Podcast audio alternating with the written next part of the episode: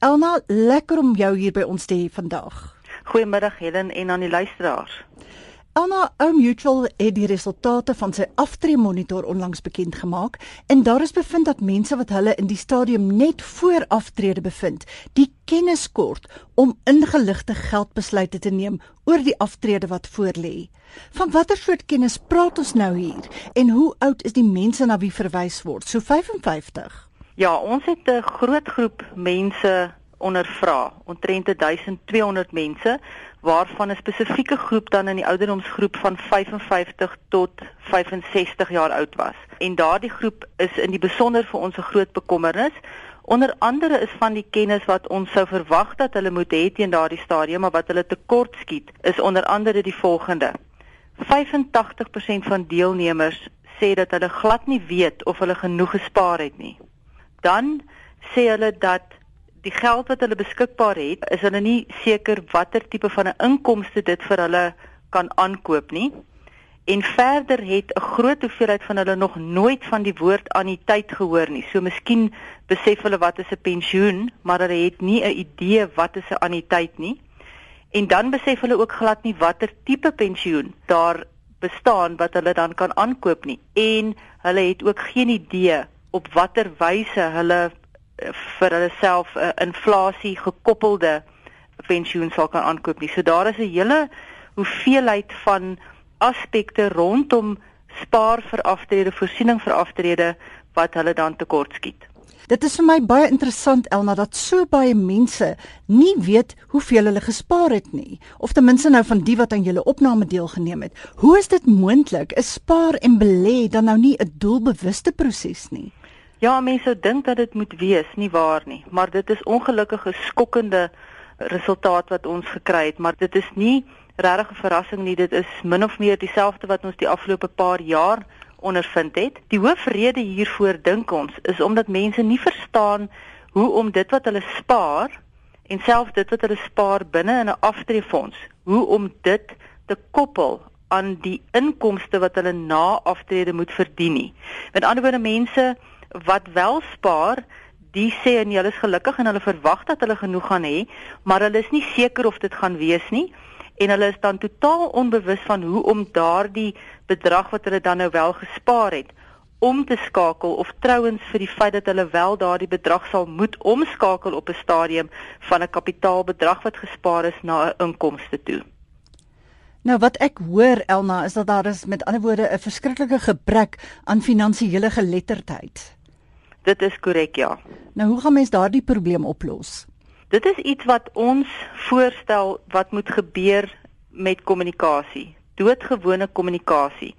So waar mense aan 'n formele aftreefonds behoort, dan is daar sekere voorstelle wat moet gemaak word sodat die kommunikasiewyse wat aangewend word, uh, wat tans deur die trustees aangewend word om met lede te kommunikeer, die moet drasties verander. Want wat ons vind is dat Die kommunikasie wat tans toegedien word is hoofsaaklik in papiervorm en net 'n klein persentasie van lede lees ooit daardie kommunikasie. Dan vind ons ook dat verskeie inkomste groepe sê maar hulle wil op ander wyse mee gekommunikeer word. So daardie voordeelstaat wat die trustees miskien op 'n jaarlikse basis gee of die nuusbriefie wat op 'n kwartaalbasis uitgaan, die is dit dit tref nie die merk nie en werkgewers as ook trustees van fondse moet drasties gaan kyk watter ouderdomsgroepe bestaan daar in hulle fondse en dan moet hulle vir daardie teikengroepe 'n spesifieke kommunikasiewyse saamstel wat daardie inkomste groep uh, of die inkomste groep of die ouderdomsgroep wel uh, mee gekommunikeer kan word.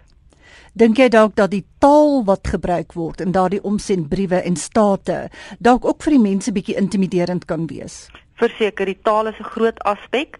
Uh ons wat in die industrie staan, dink ek is die is die skuldigste van almal want ons dink as ons praat oor 'n anniteit of 'n kapitaalbedrag of 'n lewensanniteit, dan moet almal verstaan waaroor dit gaan. Met ander woorde, 'n mens moet gaan kyk om daardie kommunikasie totaal te vereenvoudig en dan om met voorbeelde verlede te wys wat hierdie uh wyse van spaar en die inkomste wat hulle moet verdien, hoe hoe dit met mekaar verband staan. Ook wat baie belangrik is is dat ons gevind het dat die meeste deelnemers sê dat hulle wil graag 1 tot 1 kommunikasie kry. Met ander woorde, van aangesig tot aangesig met iemand gesels. So die beste kommunikasie is eintlik dit wat uh, iemand om 'n tafel sit met iemand gesels en waar iemand vir hom voorbeelde wys oor hoe die spaar en die inkomste na aftrede met mekaar verband hou. Anna, ek het nou die dag gelees en ek het dit al in hierdie program ook gesê dat skynbaar meer as 80% van mense wat praat met finansiële adviseurs verstaan nie eintlik al die terme nie, maar hulle voel te sleg om te sê want hulle wil nou nie dom lyk of so nie. Korrek en ek dink die dit wat ons vir mense moet vra is indien daar enigiets is wat hulle nie verstaan nie, hulle op onmiddellik vir 'n persoon moet sê stop net hier en gaan asseblief terug en verduidelik vir my wat beteken hierdie term of hoe het hierdie dinge invloed op my lewe toekomstig want as elke persoon nie presies verstaan waar hulle op 'n stadium met daardie aftreeplan of met die spaarplan is nie, dan is ons redelik seker dat hulle die teiken gaan mis by aftrede. Jy het nou nog gepraat van annuïteite en dat baie min mense eintlik mooi weet hoe dit werk. Hoekom is dit so belangrik vir mense wat goed wil aftree en watter keuses is daar vir hulle? Ja, 'n annuïteit is uiters belangrik. So annuïteit is net 'n mooi woord vir 'n pensioen. Met ander woorde, dit is die inkomste of of eintlik die salaris wat 'n persoon wat nou klaar gewerk het en wat op aftrede is, gaan verdien. En daardie pensioen is met ander woorde allesomvattend belangrik. En indien 'n persoon dan vir die eerste keer uitvind wat hierdie na-aftrede salaris is wat hulle gaan verdien wanneer hulle by aftrede kom, dan is dit te laat om 'n verandering te maak. So daar is 'n paar tipe anniteite wat aangekoop kan word. Miskien voordat ons by die tipe anniteite kom, kom ons kyk net gou na wat is die hoof oogmerk van 'n anniteit. So ons sê nou 'n anniteit is 'n pensioen, met ander woorde dit is die inkomste wat 'n persoon sal verdien na aftrede. Daar is hoofsaaklik twee hoof oogmerke van so 'n pensioen. Die eerste is om 'n inkomste betaal vir die res van die lewe van daardie persoon en dikwels dan ook vir 'n gade by die afsterwe van die eerste persoon. So dit is die eerste belangrike ding van 'n anniteit is dat hy moet vir die leeftyd van die persoon 'n inkomste kan betaal. Die tweede belangrike beginsel is dan dat daardie inkomste moet kan tred hou met inflasie. Met ander woorde dit moet of inflasie gekoppel wees op 'n gewaarborgde basis of dit moet 'n meganisme hê waarby daardie persoon se inkomste elke jaar met inflasie of ten minste 'n gedeelte van inflasie gekoppel kan word sodat dit kan tred hou daarmee. So as ons nou hierdie aspekte bekyk, dan is daar vyf tipe anniteite waaruit persone kan kies. En jy kan sien hoe moeilik dit eintlik dan word en hoekom dit so belangrik is dat wanneer 'n persoon met 'n finansiële adviseur praat, dat hulle presies verstaan hoe elkeen van hierdie anniteite hulle inkomste sal beïnvloed. So kom ons kyk gou na die vyf tipe anniteite. Die eerste tipe is wat ons noem 'n winsdelingsanniteit. Dit is waar die persoon wat die pensioen kry, die persoon wat die anniteit kry, deel in die opbrengste van die onderliggende bates wat by die versekeraar gehou word. So kom ons sê 'n persoon begin met 'n inkomste van R5000 'n maand en kom ons sê dat die winsdelingskoers is kom ons sê nou maar 3.5%. Indien die versekeraar 3% meer as dit verdien, dan gaan daardie persoon wat die pensioen kry 3% verhoging per jaar kan kry. So winsdelingsanniteit is 'n fantastiese tipe anniteit en dit is trouens uh, die tipe anniteit wat 'n mens graag sou wou uh aanbeveel. Ek wil nie sê regtig aanbeveel nie, maar wat 'n mens onder mense se aandag wil bring omdat dit vir hulle die geleentheid gee om 'n inflasie gekoppelde verhoging of selfs groter as inflasieverhogings te kan bewerkstellig op 'n jaarlikse basis. Die tweede tipe anniteit is dan 'n inflasie gekoppelde anniteit op 'n gewaarborgde basis. Dit is 'n redelike duur tipe van anniteit omdat daar moet instrumente, finansiële instrumente aangekoop word wat op 'n gewaarborgde basis jaarliks inflasieverhogings uh toeken. Maar natuurlik indien iemand dit kan bekostig, is dit 'n fantastiese anniteit om ehm um, om aan te koop. Dan kyk ons na 'n gelykmatige anniteit. Dit is waar die inkomste wat aanvanklik aangekoop word, die bly dieselfde oor die leeftyd van die van die pensionaris en alhoewel die aanvangspensioen by so 'n anniteit redelik gunstig is, is dit regtig 'n uh, iets waarna 'n persoon moet kyk sal sal daardie persoon op dieselfde inkomste kan deurkom vir 15 of 20 jaar of selfs langer terwyl hulle op aftrede is. Jy luister na Rand en Sent op RSG 100 tot 104 FM. Jou program waar ons meer leer oor persoonlike finansies. Ons praat met Elna RW van Ou Mutual Korporatief oor aftreevoorsiening en annuïteite. Ek is Helen Ukerman. Elna, wat is die laaste twee soorte annuïteite waarvan jy ons kan vertel? Goed, die laaste twee is wat ons noem 'n vaste bonuskoers anniteit. Met ander woorde, dit is waar daar 'n spesifieke verhoging, kom ons sê 2, 3 of 4% elke jaar vir die res van die bestaan van die anniteit sal betaal. En dan natuurlik is daar die lewensanniteit wat 'n baie gewilde anniteitstipe is en dit is waar 'n persoon self kan besluit watter vlak van inkomste hulle wil genereer uit die kapitaalbedrag. Natuurlik met elkeen van hierdie tipe anniteite is daar voor en nadele en 'n persoon word aangemoedig om in diepte te verstaan hoe dit hulle kan raak voordat hulle so besluit maak.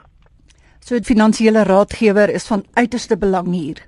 Dit is uiters belangrik, maar wat miskien nog meer belangrik is is dat 'n persoon nie net uh, wanneer hulle by die aftree besluit kom met iemand moet gesels nie, maar dit is baie belangrik om van 'n jong ouderdom af reeds te verstaan waarna moet gemik word en dit sal dan vir 'n persoon in staat stel om 'n spaarplan in plek te stel wat die gewenste resultaat kan lewer wanneer 'n persoon by aftrede kom.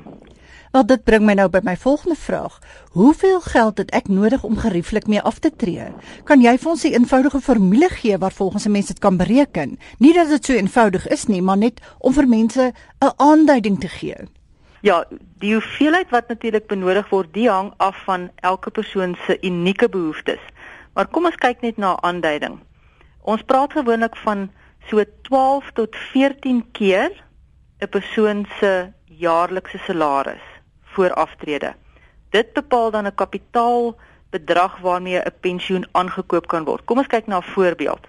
Kom ons sê 'n persoon verdien 500 000 in die jaar van aftrede en kom ons sê so 'n persoon wil 75% van daardie bedrag vir homself aankoop. Dan sal hulle ten minste 6 tot 7 miljoen in kapitaal beskikbaar moet hê om so 'n bedrag aan te koop. Maar as mens dan natuurlik gaan kyk na addisionele voorsiening, byvoorbeeld die koste van mediese fondsbydraes na aftrede, dit is redelik dramaties en so tipe van bydrae sal u verstaan die verhogings per jaar is gewoonlik meer as inflasie.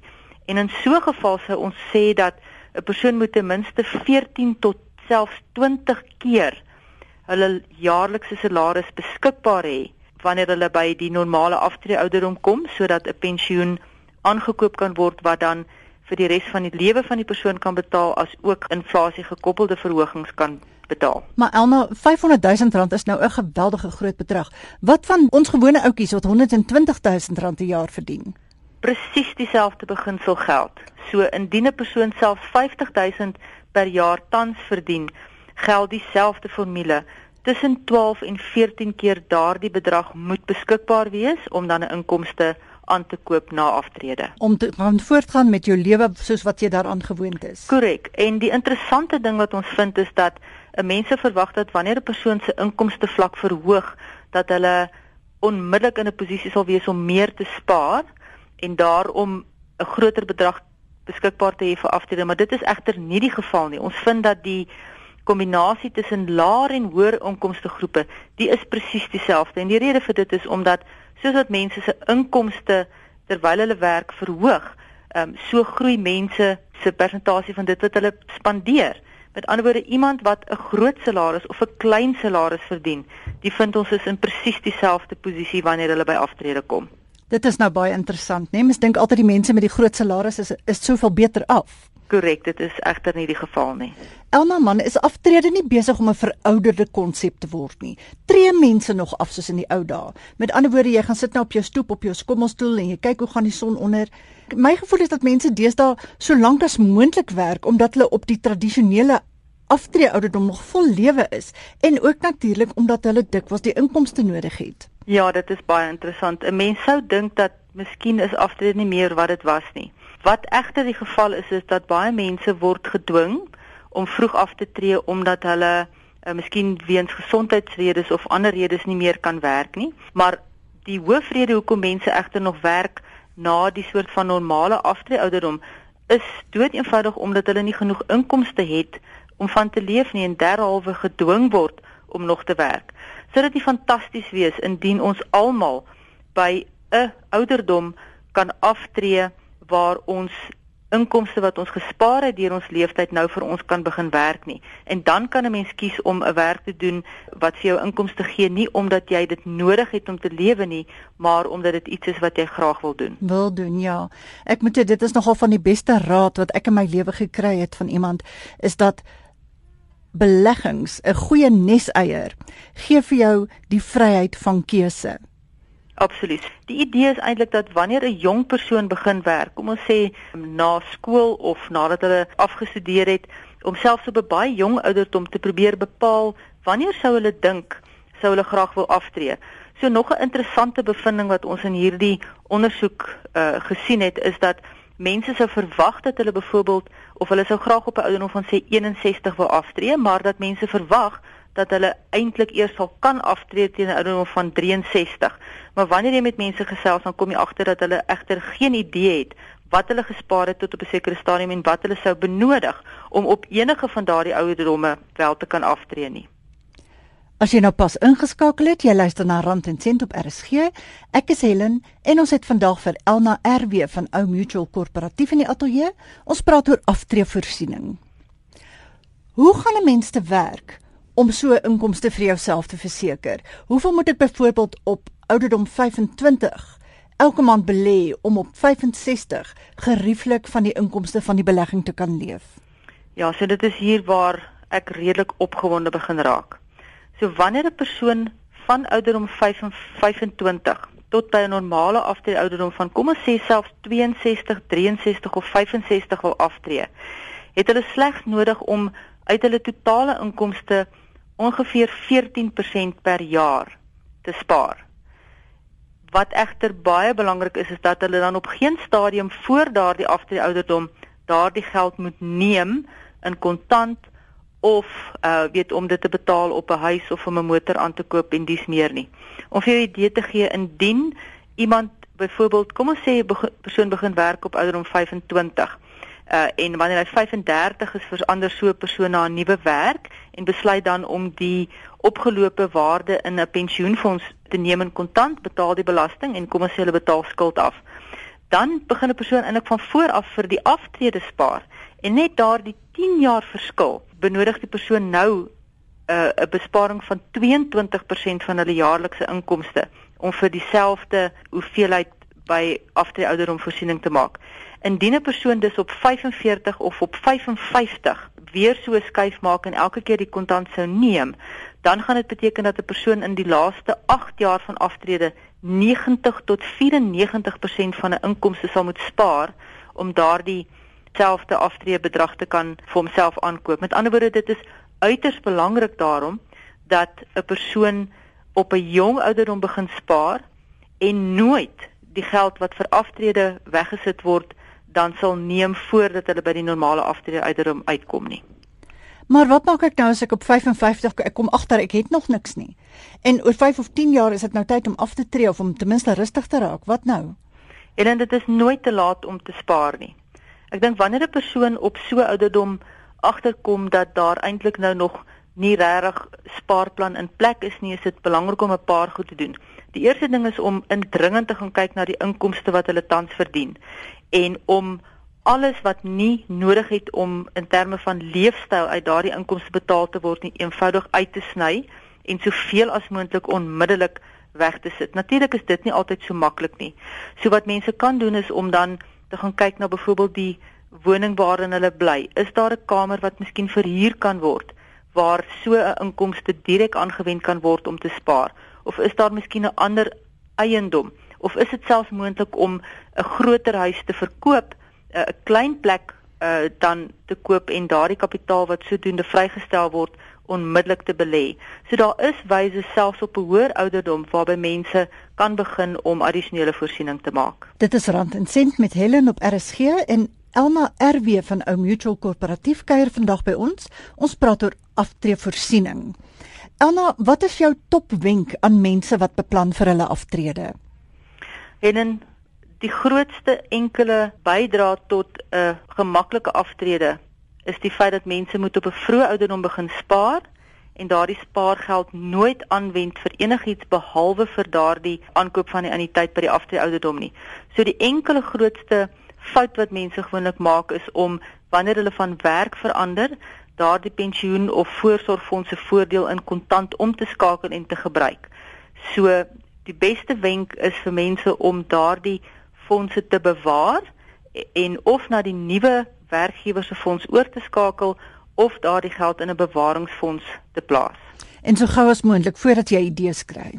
Korrek. En trouens die veranderinge wat nou deur te tesorie voorgestel word um, vir aftreebeplanning sal dit vir mense baie moeilik maak om daardie geld in kontant te neem en fondse gaan aangemoedig word om 'n verstek portefeulje daar te stel waar mense wanneer hulle dan die diens van 'n werkgewer verlaat daardie geld nie in kontant kan neem nie, maar dat kontant bedrag slegs geneem kan word uit bewaringsfondse toekomstig. So dit sal 'n groot hulp wees vir mense sodat hulle nie in die versoeking kom om die kontant te neem nie. Nog 'n groot hulp wat die veranderinge van die hervorming teweeg sal bring is dat bestaande pensioenfondse en voorsorgfondse sal aangemoedig word om ook verstek anniteitsportefeuilles aan lede beskikbaar te stel.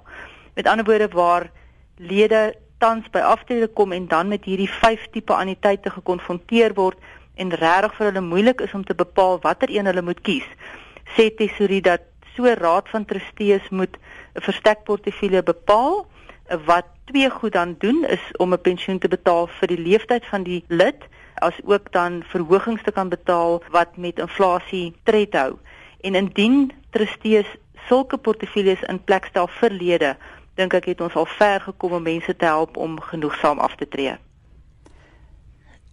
Jou topwenk vir mense wat beplan vir hulle aftrede hou waarskynlik 100% verband met die grootste foute wat mense maak, nê, nee? naamlik om nie jou geld te vat en vir iets anders te gebruik nie.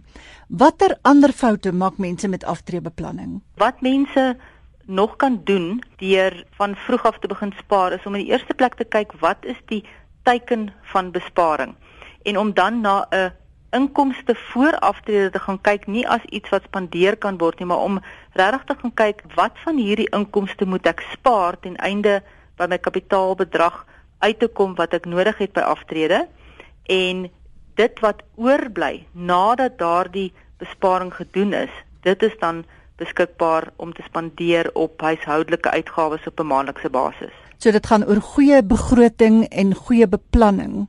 Korrek. So wat mense eintlik wil doen is om 'n begroting 'n bietjie op sy kop te draai. Die meeste mense kyk na hulle nabelasting inkomste en sê dan ek moet uh, 1, 2 en 3 items elke maand betaal en uit dit wat oorbly, moet ek dan nou nog 'n gedeelte spaar. En indien iemand nie regtig baie gedissiplineerd is nie, is dit baie baie moeilik om dit te doen.